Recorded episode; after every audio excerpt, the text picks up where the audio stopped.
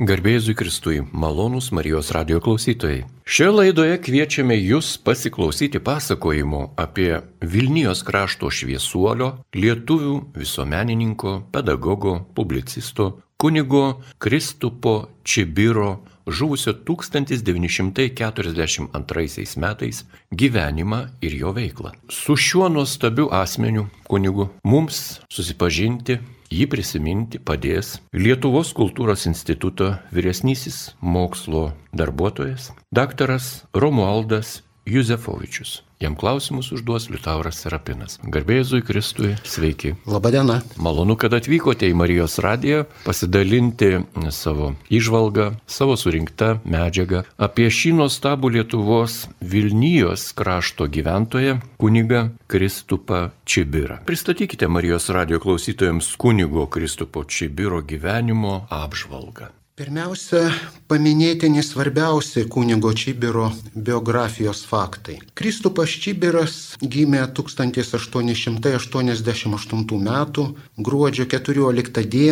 Radeikiškės kaime Daugeliškio valščiuje. 1911 metais jis baigė Vilniaus kunigų seminariją, o 1914 buvo išventintas kunigu. 1915 metais baigė Peterburgo dvasinę akademiją ir nuo 1915 metų buvo Švento Petro ir Povilo bažnyčios vikaras. Pažymėtina, kad nuo 1924 metų buvo Švento Mikalojaus bažnyčios klebonas Vilniuje. Dirbo mokytojų Lietuvų gimnazijose, mokytojų seminarijoje. 1927 metais uždarius Vilniaus mokytojų seminariją, kuri laiką iš Vilniaus važinėdavo mokytojauti į Švenčionių lietuvių gimnaziją. 1928 metais Vilniaus apygardos švietimo kuratorija leido vėl grįžti į Vilniaus Vytauto didžiojo gimnaziją dėstyti humanitarinių disciplinų. Taip pat pažymėtina, kad kunigas Kristupas Čyberas aktyviai dalyvavo Vilniaus krašto lietuvių švietimo ir kitų visuomeninių draugijų ir organizacijų veikloje. Gynė Vilniaus krašto lietuvių teises, buvo Lenkų valdžios persekiojamas. Dar 1917 metais jis buvo Vilniaus konferencijos dalyvis, o 1924-26 metais bendradarbiavo Vilniaus lietuvių spaudoje. Jis rašė Vilniaus Ofros dienraštyje, spausdindamas straipsnius Radeikos slapyvardžių. Nuo 1920 m. sausio 8 dienos iki 1921 m. Liepos 6 dienos Čibiras dirbo Vilniaus garsas redaktoriumi, dienraščio redaktoriumi. Kunigas Kristupas Čibiras žuvo 1942 m. kovo 24 d.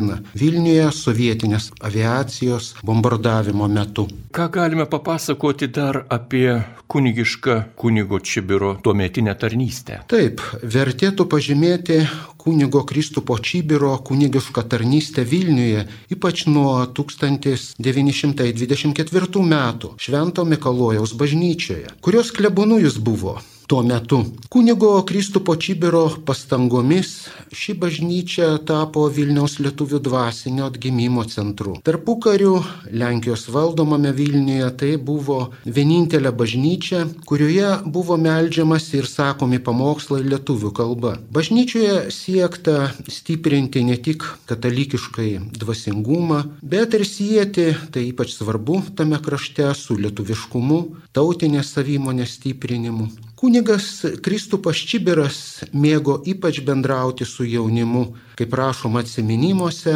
pasižymėjo toleranciją, lengvai bendravo su įvairių pažiūrų žmonėmis. Prie bažnyčios telkėsi kultūrinis lietuvių bendruomenės žydinys. Bažnyčios kieme buvo salė, kurioje vykdavo lietuvių organizuojami susirinkimai, paskaitos, vaidinimai, na ir taip pat aglūtės vaikams. Čia kunigas Kristupas Čibiras klebonavo iki pat savo žūties 1942 m. kovo 24 dienos bombai pataikius į kleboniją, kurioje jis gyveno ir dirbo. O kodėl iki šioliai kunigas Čibiras yra laikomas švietėjų, visuomenininkų? Vilniaus krašto lietuvių visuomenėje, švietimo ir kultūrinėje veikloje Jis pradėjo dalyvauti nuo pirmojo pasaulinio karo metų, kai baigė studijas Petrapelio katalikų dvasinėje akademijoje ir gana greitai čia išsiskyrė dideliais visuomeniniais gabumais tuo metu inteligentijos aplinkoje. Atsiminimuose pažymima, kad netrukus jis tapo vienu iš svarbiausių patriotinio ir švietimo darbo veikėjų, o vėliau ir lyderių. Per tarpukario laikotarpį kunigas Kristupas Čiberas dalyvavo Lietuvių mokslo draugijos, ypač kuri pažymėtina pirmiausiai, ir kitų inteligentijos įsteigtų visuomeninių organizacijų veikloje. Redagavo ir rašė Lietuvių laikraščius. Jo veikla minėtoje Lietuvių mokslo draugijoje sėtina visų pirma su vadovėliu ir mokymo priemonių rengimu, taip pat jų leidyba, kuri šioje draugijoje buvo kryptingai realizuojama po pirmojo pasaulinio karo. Taip pat telkė tam darbui pačius žymiausius lietuvių inteligentus, kurie tuo metu gyveno Vilniuje. Toje draugijoje, minėtoje Lietuvių mokslo draugijoje, Kristupas Čibiras dalyvavo ir organizuojant mokslo žinių sklaidą Vilnijos inteligentijai, kurios žymę dalį sudarė tuo metu šio krašto mokytojai. 20-ojo amžiaus ketvirto dešimtmečio viduryje jis buvo šios organizacijos pirmininko, taip pat kunigo žinomo Vilniaus krašte Antano Viskanto pavaduotojų švietėjiškai veiklai plėtoti. Štai švietėjiškos veiklos požiūrių išskirtinai pažymėtina jo organizacinė ir pedagoginė veikla tarpukario lietuvių švietimo ryto draugijoje, kurioje jis vienu metu tapo lyderiu ir nuo 1933 metų pradėjo jai vadovauti. Kaip kunigas Kristupas Čibiras siekė plėtoti visuomenės ugdymą bei lietuvių kultūrinį tapatumą tomis sunkiomis sąlygomis. Tai vėlgi paminėtina Lietuvių švietimo ryto draugija, kuri Lenkijos valdymo metais siekė Vilniaus krašto lietuvių švietimą perimti savo žinion, siekė steigti naujas mokyklas kaimuose, atnaujinti senųjų mokyklų veiklą. Taip pat pažymėtina, kad 1923 metais jau minėta ryto draugija gavo leidimą perorganizuoti pedagoginius kursus į Lietuvių mokytojų seminariją, į kurios veiklą įsitraukė ir jos vadovu tapo kunigas Kristupas Čibiras. Tad 1923-1927 metai mokslinėje literatūroje ir populiarioje literatūroje, publicistikoje vertinami kaip reikšmingiausi šios draugijos ir apskritai Vilnijos mokytojų raiškos metai. Tai laikotarpis, kai švietimas Vilnijoje lietuvių kalba buvo sėkmingiausiai skleidžiamas. Tačiau ir tuo metu teko spręsti lietuviškų mokyklų steigimo ir veiklos organizavimo sunkumus. Ryto draugijoje kunigas Kristopas Čiberas siūlė nepaliaujamai stiprinti lietuvybę, lietuvių tradicijas tiek lietuviškose mokyklose, tiek ir visoje visuomenėje. 1927 metai buvo itin sudėtingi draugijos raidoje, nes buvo uždarytos 47 šios organizacijos mokyklos, uždraustas ir lietuvių mokytojų seminarijos darbas, Uždarytos mokyklos, kol leido aplinkybės, kurį laiką veikė slaptai, o ryto draugijos vadovybė jas rėmė ir stengiasi legalizuoti. Kunigas Kristupas Čiberas skatino skaityklų steigimą kaimo bendruomenėse. Jų veikloje šalia lokalių bendruomenės interesų ir tradicijų esminis dėmesys buvo skirtas pažintiniams renginiams, kurių tematika visų pirma buvo siejama su Lietuvos istorijos, geografijos, kultūros palikimo, ūkinės veiklos patirties žinioms skleisti. Vilniaus krašto istorijos ir paveldo suvokimą Kristupas Čibiras stengiasi susijęti su laisvos Lietuvos kontekstu. Tai buvo svarbu lietuvių kultūriniam tapatumui išsaugoti ir jį stiprinti. Bet gal galėtumėte dar plačiau papasakoti, kaip kunigas Čibiras suvokė visuomenės švietimo darbą tuo metu? Kunigo Kristupo Čibiro parengti rankraščiai byloja apie svarbų dėmesį, kurį skyrė visuomenė švietimui, o taip pat kultūrai plėtoti. Jis vykdė Vilniaus krašto kaimo gyventojų apklausas, analizavo kultūros ir švietimo įstaigų veiklos rezultatus, veiklos gerinimo galimybės, taip pat lietuvių inteligentijos ir kaimo gyventojų sąveikos lygį, konstatavo esamus sunkumus, teikia rekomendaciją švietėjiškos veiklos organizavimo reikalams, kylančioms problemams spręsti. Kaip byloja šaltiniai, kunigas Kristupas Čyberas akcentavo kultūros ir švietimo darbuotojų ryšių su vietos bendruomenės svarbą. Tuo metu pasiteisino ryto draugijos organizuojami knygų pristatymo renginiai, užsiemimai vaikams ir jaunimui, viešos paskaitos, koncertai. Ryto draugijos administruojamas skaitiklas nuosekliai siekta paversti ne tik lietuviškosios spaudos, skaitimo ir platinimo, bet ir vietos lietuvių bendruomenių kultūros ir švietimo žydiniais. Taip pat derinti jų veiklą su vietos gyventojų interesais ir žinoma jų galimybėmis.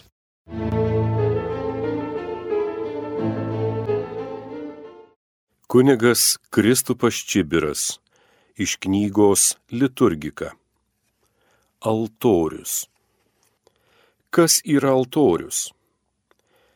Jau gilioje senovėje aukoms deginti žmonės darydavo paaukštinimus, aukurais vadinamus.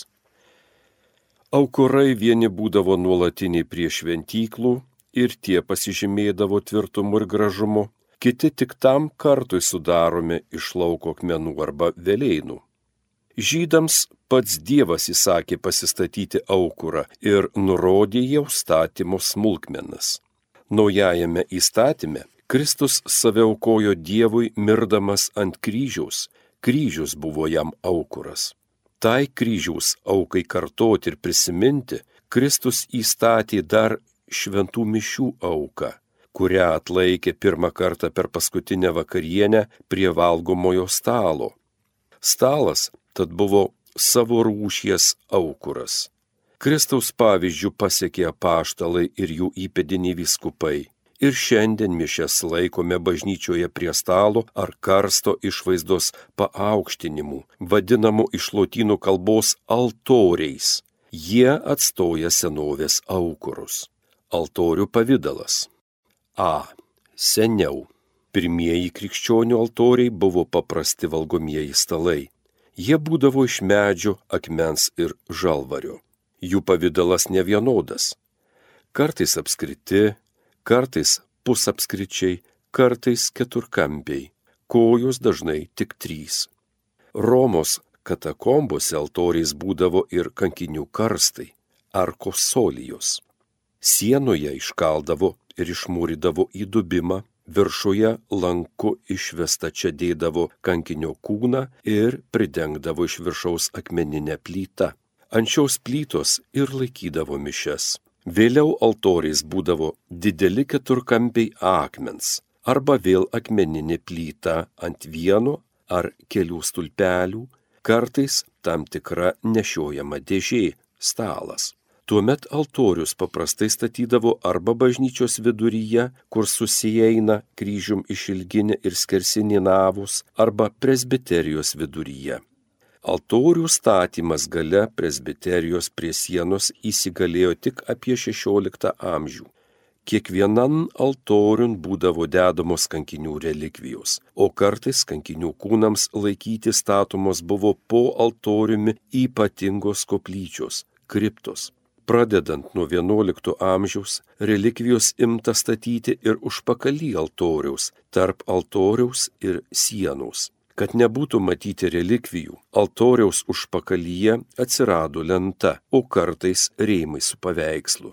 Ilgainiui šis priestatas imta visai puošti ir įvairinti ir pamažu susidarė nauja altoriaus dalis - priestatas altoriaus taisimas vidury bažnyčios labiau tiko jo paskirimui - būti tikinčiųjų bendruomeniai aukos ir pamaldų centru. Kol altorius buvo viduryje, darydavo ant jo stogelį, vadinamą kiborion - lotoso vaisiaus lūkštas, iš ko vėliau kilo ciborijos vardas, vedamas dabar nuo cibus - valgis.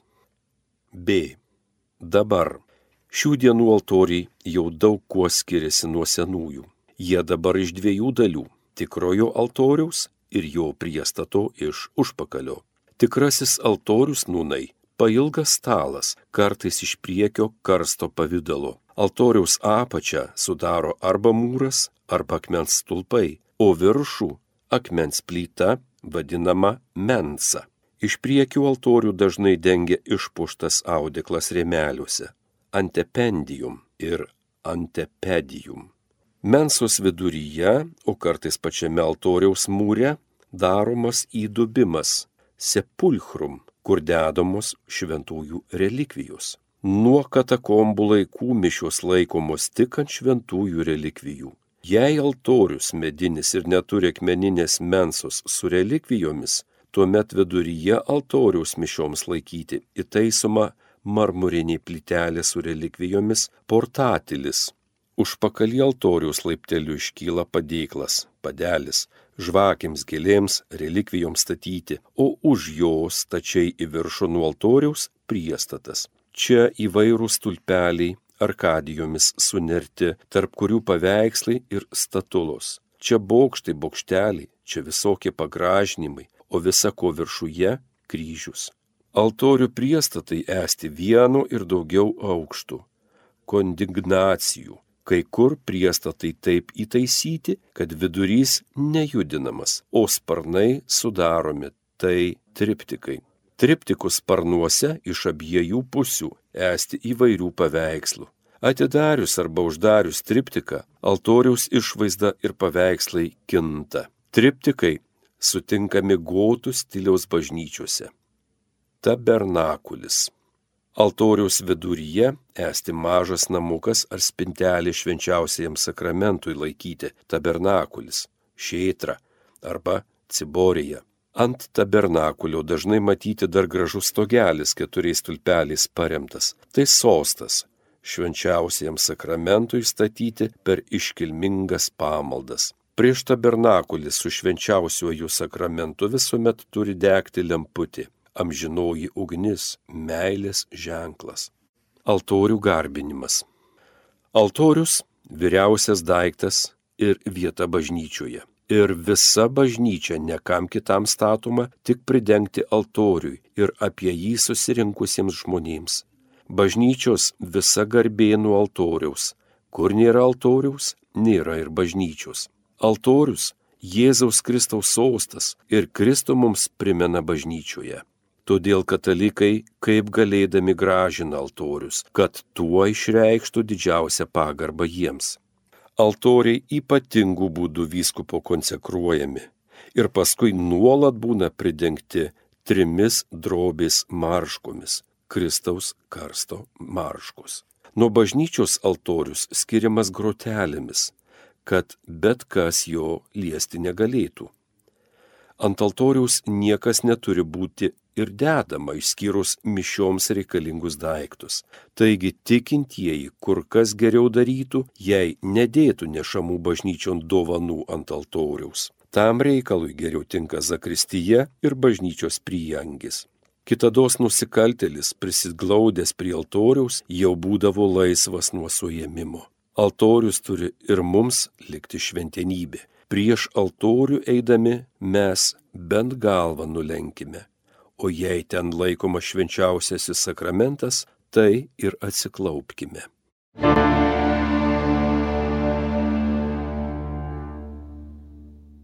Kai kalbame apie kunigą Čibirą, negalime nepaminėti ir pedagoginės idėjos ir veiklos jo. Kokios jo buvo idėjos ugdymo mokymo srityje? Apie kunigo Kristupo Čibiro švietimo pozicijas liūdija visų pirma su tiesioginė jo pedagoginė veikla susėti jo parengti tekstai. Vilniaus Vytauto didžiojo gimnazijoje kunigas Kristupas Čibiras dėstė ne tik tikybą, bei bažnyčios istoriją, bet ir lotynų kalbą, psichologiją, logiką. Švietimo srityje jis siekia sieti žinias, jų suvokimą ir praktinius gebėjimus. Pavyzdžiui, planuodamas lotynų kalbos pamokas, numatė tokius uždavinius. Pacituoju. Versti ir suprasti tekstą kaip šaltinį, gilinti lotynų kalbos pažinimą. Taigi buvo aktualizuojama taip pat ir užsienio pedagogų patirtis, kleidžiama jos nauda, pavyzdžiui, Danijos mokytojų dėmesys praktinės veiklos gebėjimams formuoti.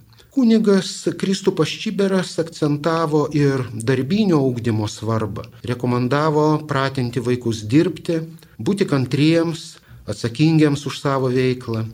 Buvę Vilniaus Vytauto didžiojo gimnazijos mokiniai atsiminimuose kuniga Kristupą Čiberą vertina kaip puikų pagarbą pelniusi pedagogą, humanistą, kuris kleidė gėrį, grožį, tevinės meilę. Patriotiškai nusiteikusius jaunuolius kunigas Kristupas Čibiras skatino įsitraukti į šviečiamąją visuomeninę veiklą. Pažymėtina tokia kunigo Kristupo Čibiro akcentuotų pedagoginio darbo vertybių visuma.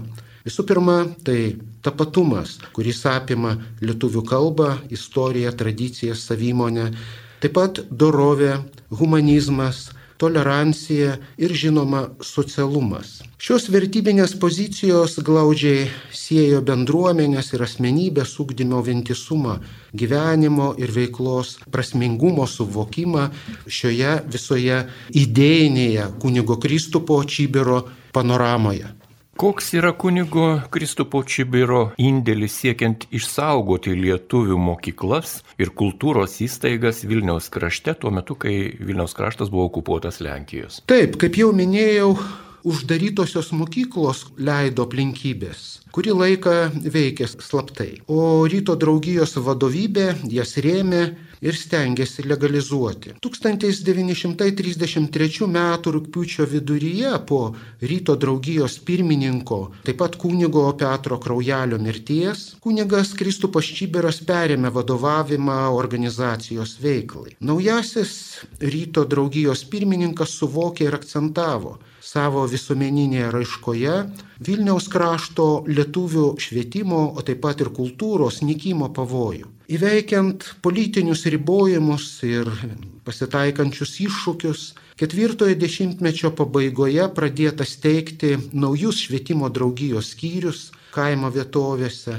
Taip pat buvo priimami nauji nariai, steigiamos sekcijos kultūriniai ir sporto veiklai organizuoti, kurios jungia, jungia visų aplinkinių parapijų ir valščių gyventojus. Kunigo Kristupo Čibiro iniciatyva buvo nutarta vėl stiprinti veiklą jaunimo augdymo srityje, pradėtose steigti skaityklose visų pirma žinoma, taip pat siekta organizuoti ir plėtoti viešuosius renginius jaunimui. Šiam dvasininkui teko būti lietuvių mokytojų seminarijos direktoriumi. Ką teko nuveikti būtent toje pozicijoje, kokia jo darbų reikšmė? Kunigo Kristupo Čibiro švietimo nuostatos, idėjos, vadintume savo ideologiją pritaikytą šiam kraštui, buvo taikoma organizuojant ir mokytojų rengimą. Žmogaus ūkdymo klausimai buvo akcentuojami kunigo Kristupo Čibiro pedagogikos kurso konspekte, kuris yra išlikęs ir buvo taikomas lietuvių mokytojo seminarijoje, išlikęs kaip rankraštis.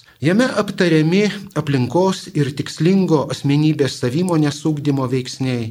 Vaiko ūkdymo procesas siejamas su įgimtų vaiko gabumų tobulinimu, kalbos vartojimo galimybių plėtojimu, savo krašto kultūros vertybių puoselėjimu istorinės patirties suvokimu ir gebėjimu ją remtis. Mokytojams buvo akcentuojamas visapusiško žmogaus ugdymo visuomeniškumas, visuomenės atsakomybė už jaunimo vertybės, nuo kurių, pasak Kristupo Čibiro, priklauso ir krašto likimas. Pabrėžiama mokyklos ir gyvenamosios vietos bendruomenės sąveikos svarba, pacituoju, gera mokykla gamina gerą bendruomenę, teigia pedagogas. Kurso akiratėje svarbių savokų žinojimas ir mokėjimas nagrinėjimas, kuris liūdija apie praktinio žinių taikymo, gebėjimų ugdymo svarbą. Išskirtinai buvo nurodomos ir pedagogų daromos klaidos, kaip rašė Kristupas Šyberas. Tai yra perdėtas plepumas, nekantrumas, nesistemingumas, spaudimas, Kunigas Kristupas Čyberas akcentavo kaimo inteligentijos, kaip jis vadino, sodžiaus šviesuomenės, autoriteto, tarpusavio sąveikos svarbą lietuvybei puoselėti. Minėtos pedagoginės ūkdymo pozicijos neprarado savo aktualumo ir šių dienų švietimui. Tai sėtina su ūkdymo proceso dvasingumu, kultūrinio tapatumo stiprinimu. Tai manytina tebėra aktualu ir pietryčių Lietuvos regiono šių dienų švietimo raidoje. Malonus radio klausytojai, šioje laidoje girdite pasakojimą apie Vilnijos krašto šviesuolį, lietuvių visuomenininką, pedagogą, publicistą, kunigą Kristupą Čibirą. Jis žuvo 1942 metais karo verpetuose, tuo metu, kai buvo bombarduojamas Vilniaus miestas, žuvo savo darbo vietoje prie savo darbo stalo. Ir šiandien apie šį nuostabų Vilnijos krašto šviesuolį kunigą pasakoja pasakoja daktaras Romualdas Juzefovičius. Jūs minėjote, gerbiamas Romualdai, apie tai, kaip kunigas Čibiras mokykloje tuo metu kūrė kultūrą, kūrė inteligentišką lietuvių bendruomenę ir tas posakis gera mokykla gamina gerą bendruomenę jau nuskambėjo. Ir ar šie posakiai, kaip šis ir dar kitas apie pedagogų klaidas, ar jie yra aktualūs šiandien mums? Taip, kaip aš jau minėjau, jie yra itin aktualūs šiuo metu, ugdant mokymo proceso plėtojant mokymo proceso dvasingumą. Na ir taip pat be abejo pietričių Lietuvoje veikiant įvairių multikultūrinių sąveikų, procesų aplinkoje. Tai ir tas kultūrinio tapatumo, kultūrinio suvokimo proceso ugdymas išlieka labai aktuolus. Ką kunigas sakė apie dvasinės žmogaus galias - dorą ir vaiko valios ugdymo reikšmę jo asmenybės raidai? Įtin svarbus dėmesys kunigo Čibiro pedagoginėje veikloje buvo skirtas asmenybės dvasingumui, dorovingumui ugdyti. Apie tai iš dalies byloja doros mokslo pamokų konspektas, kuris buvo dėstomas Vilniaus Vytauto didžiojo gimnazijoje. Jis apėmė etikos pagrindų kursą. Pareigos visuomeniai kurso tekste siejamos su krikščioniškojo tikėjimo pareigingumu, atsakomybė Dievui. Tai byloja ir apie paties Kristupo Čybero gyvenimo ir veiklos idėjinį pagrindą. Dorinio augdymo svarba siejama tiek su naujų etikos idėjų sklaida pasaulyje, tiek ir su praktinė žmogaus veikla, taip pat gyvenimo kasdienybė. Svarbus dėmesys kurso tekste buvo skirtas žmogaus valios ūkdymo klausimams. Akcentuojama, kad dvasinė žmogaus gale lemia jo elgseną. Pasak pedagogo Kristupo Čybiro, itin svarbus vaiko valios ūkdymas. Jaunimo doroviai ugdyti svarbus bendras mokytojų, šeimos ir visuomenės poveikis. Tokios, sakyčiau, buvo svarbiausios Kristupo Čybiro nuostatos doros ir dvasingumo ugdymo srityje.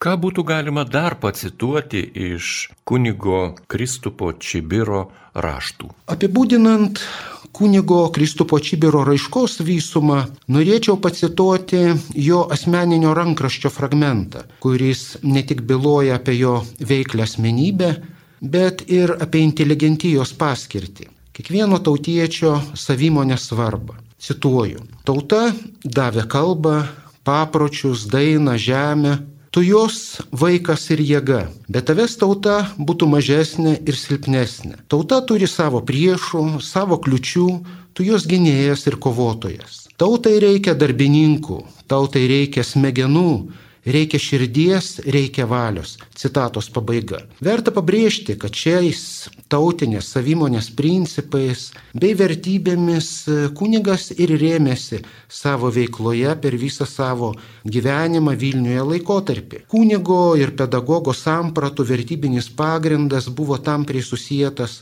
su visuomeniškumu, Lietuvos valstybingumo įtvirtinimu, teritorijos ir tautos vientisumo stiprinimu. Ką galime pasakyti apie publicistinės kunigo Kristupo Čibiro raiškos ypatybės? Apie kunigo Kristupo Čibiro šviečiamasias pozicijas, jo siekius lietuvybei stiprinti, liudyja ir jo publicistika. 1920 m.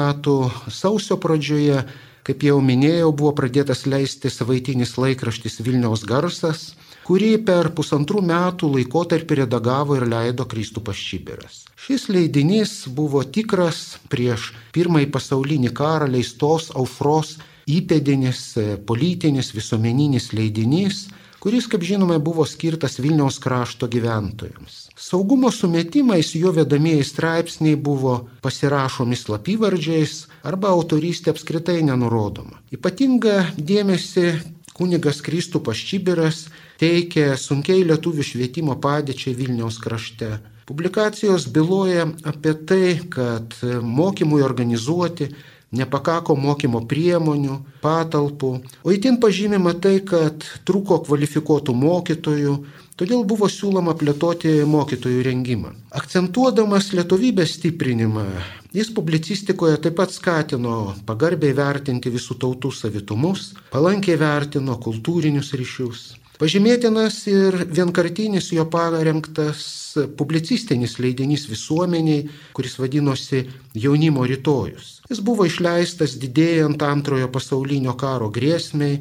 Šiuo sudėtingu laikotarpiu buvo raginama ugdyti kilniausias lietuvio, ypač jaunojo lietuvio savybės - ryštingumą, ištvermę, nepalaužiamą valią dirbti savo ir savo teviniai, jos ateičiai. Publikacijose buvo pateikti tekstai taip pat skatino jaunimą telktis, bendradarbiauti ir dalyvauti viešajame gyvenime. Visą tai buvo itin aktualu ir artėjant antrojo pasaulinio karo verpetams. Jau daug citavote ir daug minėjote kunigo Kristupo Čibiro tekstų ir leidinių arba spaudos lankų, kuriuose jisai reiškėsi. Kokie dar yra išlikę kunigo Čibiro rankraščiai, jo paskelbti tekstai ir knygos? Taip, Lietuvių mokslo akademijos Vrublevskio bibliotekos rankraščių skyriuje yra saugomi kunigo Kristupo Čybiro paskaitų ir pamokų konspektai, svarbesnius paminėjau juos kalbėdamas, taip pat jo asmeniniai užrašai, kai kurie jo visuomeninės ir publicistinės veiklos raštai, kiti rankraščiai. Kristupas Čybiras parengė ir išleido kelis edukacinius leidinius. Pažymėtina labiausiai galbūt knygelė Doros objektivumas kuri atskleidžia jo idėjinės pozicijas, vertybinės sampratas. Kunigas Kristupas Čiberas parengė ir išleido du vadovėlius mokykloms - tikybai dėstyti. 1920 metais šalia visos eilės kitų Lietuvių mokslo draugijos spaudinių ir vadovėlių buvo išleista dogmatika, taip vadinosi šis vadovėlis, kurioje aptarti esminiai šventojo rašto teiginiai, Taip pat pateikti ir duomenys apie katalikų bažnyčios organizaciją, sakralinės apeigas ir kitą. 1922 metais buvo išleistas tikybos vadovėlis liturgika, kuris e, siejamas su lietuvių mokyklų mokymo programa ir apėmė katalikų bažnyčios apieigų nagrinėjimą. Tokie būtų svarbesni jo palikimo spaudiniai. Ir laidos Antroje dalyje, sakykime, pabaigos dalyje norisi plačiau apžvelgti kunigo Kristupo Čibiro atminimo įamžinimą. Koks jis yra šiuo metu Lietuvoje, Lietuvos sostinėje, koks yra Lietuvoje katalikų bažnyčioje jo atminimas. Nuo ko reikėtų pradėti? Na, pirmiausiai vertėtų paminėti, kad po Lietuvos nepriklausomybės atgavimo Kunigo Kristupo Čibiro veiklos ir palikimo refleksijos atspindžiai buvo labiausiai matomi memoarikoje, atminimuose. Tai skirtingų laikų rašytinė spauda apie Kristupo Čibiro veiklą Vilniaus krašte, pedagoginį jo bendravimą, dalyvavimą organizacijose ir panašiai. Tai sakyčiau, kad tai buvo pirmieji jo atminimo, sklaidos ir įprasminimo visuomenėje ženklai. Jeigu pakalbėtume apie memorialinį meną, kuris yra skirtas kunigo Kristupo įamžinimui, tai turbūt reikėtų pradėti nuo jo ant kapinio paminklo rasų kapinėse. Jis yra pietričių pusėje koplyčios, pagrindinės, gražiausios koplyčios. Ir šiuo metu jo jinai yra labai svarbi ta koplyčia Lietuvos istorijai, ypatingai jaunimui. Ir šis paminklas, kodėl buvo norėta statyti kitą paminklą šioje vietoje? Taip, Kristupas Čiberas palaidotas rasų kapinėse netoli Jono Basanavičiaus, mūsų patriarcho ir šalia kitų lietuvių veikėjų.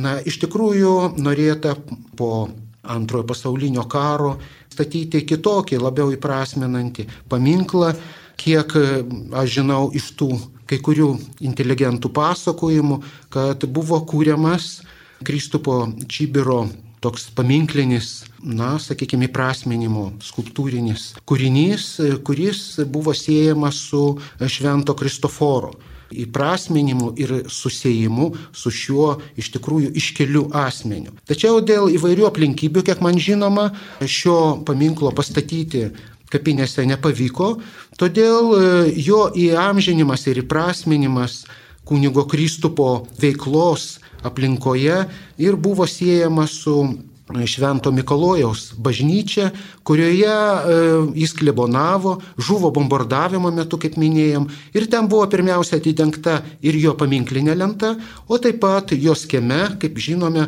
pastatyta Švento Kristoforo skulptūra, kuri, na, istoriškai įprasmina šią vietą, šią asmenybę ir šią istorinę aplinką. Taip pat norėčiau paminėti, kad Čia galbūt jau yra kitoks atminties įprasminimo ženklas, tai būtent gatvės pavadinimas, jo vardu pavadinta viena iš Vilniaus miestų gatvių, naujosios Vilniaus rajone, šalia Biržyškų, šalia Marcelino Šikšnio fiksuojančių pavadinimų taip pat yra ir Kristupo Čibiro gatvė. Taigi, sakyčiau, tokie būtų svarbesni atminimo įamžinimo ženklai Vilniaus mieste. Daugeliu Vilniaus svečių ir žinoma ir net gyventojų skulptoriaus Antano Kmieliausko dar na, ankstyvoje jo kūrybinėje veikloje padarytas vienas iš pirmųjų jo darbų 1948 metais Kristoforo tokia kompozicija yra tapusi net Vilniaus simboliu šiuo metu. Ir daugelis žmonių net nežino, kad šio skultūrinio akcento, būtent Vilniaus Kristoforo kilmė prasideda nuo kunigo Kristupo Čibiro įamžinimo. Būtent jam buvo manoma pastatyti šį nuostabų paminklą. Ir šis paminklas šiuo metu yra randamas Šventojo Mikalojaus bažnyčios šventoriuje. Gražioje vietoje, autentiškoje vietoje puošia ir, na, daugelis Vilniaus svečių, ekskursantų ir net Vilniečių labai džiaugiasi šią skulptūrą. Dar vienas nuostabus dalykas jau jūsų gerbiamas daktarė Romualdai minėtas, tai yra skulptoriaus Rapolo Jekimavičiaus atlikta memorialinė lenta ir ji buvo pastatyta 1942 metais. Tai stebina, Lietuva buvo okupuota. Kaip ta lenta galėjo būti padaryta, jūsų nuomonė? Na, aš negalėčiau smulkiau, smulkiau apibūdinti to proceso Vis tik tai, bet kiek žinau, karo metais lietuvių bendruomenė labai pagarbiai vertino jo veiklą ir šių organizacijų veiklą, taigi manytina, kad na, tuo metu buvo įmanoma tai šį palikimą, šį, šią veiklą įprasminti net nacijų okupacijos metais. Aš sakyčiau taip. O kas liečia patį procesą ir jo įprasminimo pradžią, tai šie dalykai be abejo nėra plačiau žinomi visuomenėje, bet jie gana gerai žinomi akademinėje aplinkoje ir mokslinėse konferencijose, kurios vyko Lietuvių tautosakos ir literatūros institute. Taip pat šimtmečiui paminėti vykusioje konferencijoje Nacionalinėme muziejuje 2013 metais, dalyvaujant giminaitai Čibiraitai, Čibiro giminaitai. Tai daugelis šių klausimų apie gyvenimą antrojo pasaulinio karo metais ir pokario e, galimybės įprasminti jų atmintį buvo aptariami. Taigi jie, manyčiau, galėtų būti plačiau paskleisti kai kurių dar na, išlikusių atmintinėje žmonių tam tikrais raiškos būdais. Labai dėkojame Jums, gerbiamas daktarė Romualdai Juzefovičiau, už šio nuostabaus Lietuvos visuomenininko, publicisto, kunigo atminimo mums pristatymą. Ir šią laidą galėtume pabaigti būtent Šventojo Mikolojaus bažnyčioje esančios atminimo memorialinės lentos tekstu. Toje lentoje yra iškaltas kunigo labai gražus bareliefas ir įrašas. Kunigas Krištapas Čibiras, teologijos magistras, nuo 1924 metų Šventojo Mikalojaus bažnyčios klebonas su dideliu pasiaukojimu visą savo gyvenimą dirbo bažnyčios ir tautos geroviai. Žuvo prie darbo stalo, bombarduojant Vilnių. Taigi, malonūs radio klausytojai, dėkojame Jums už šią valandėlę praleistą prie Marijos radio imtuvo, klausant atminimo apie kunigą Kristupą Čibirą.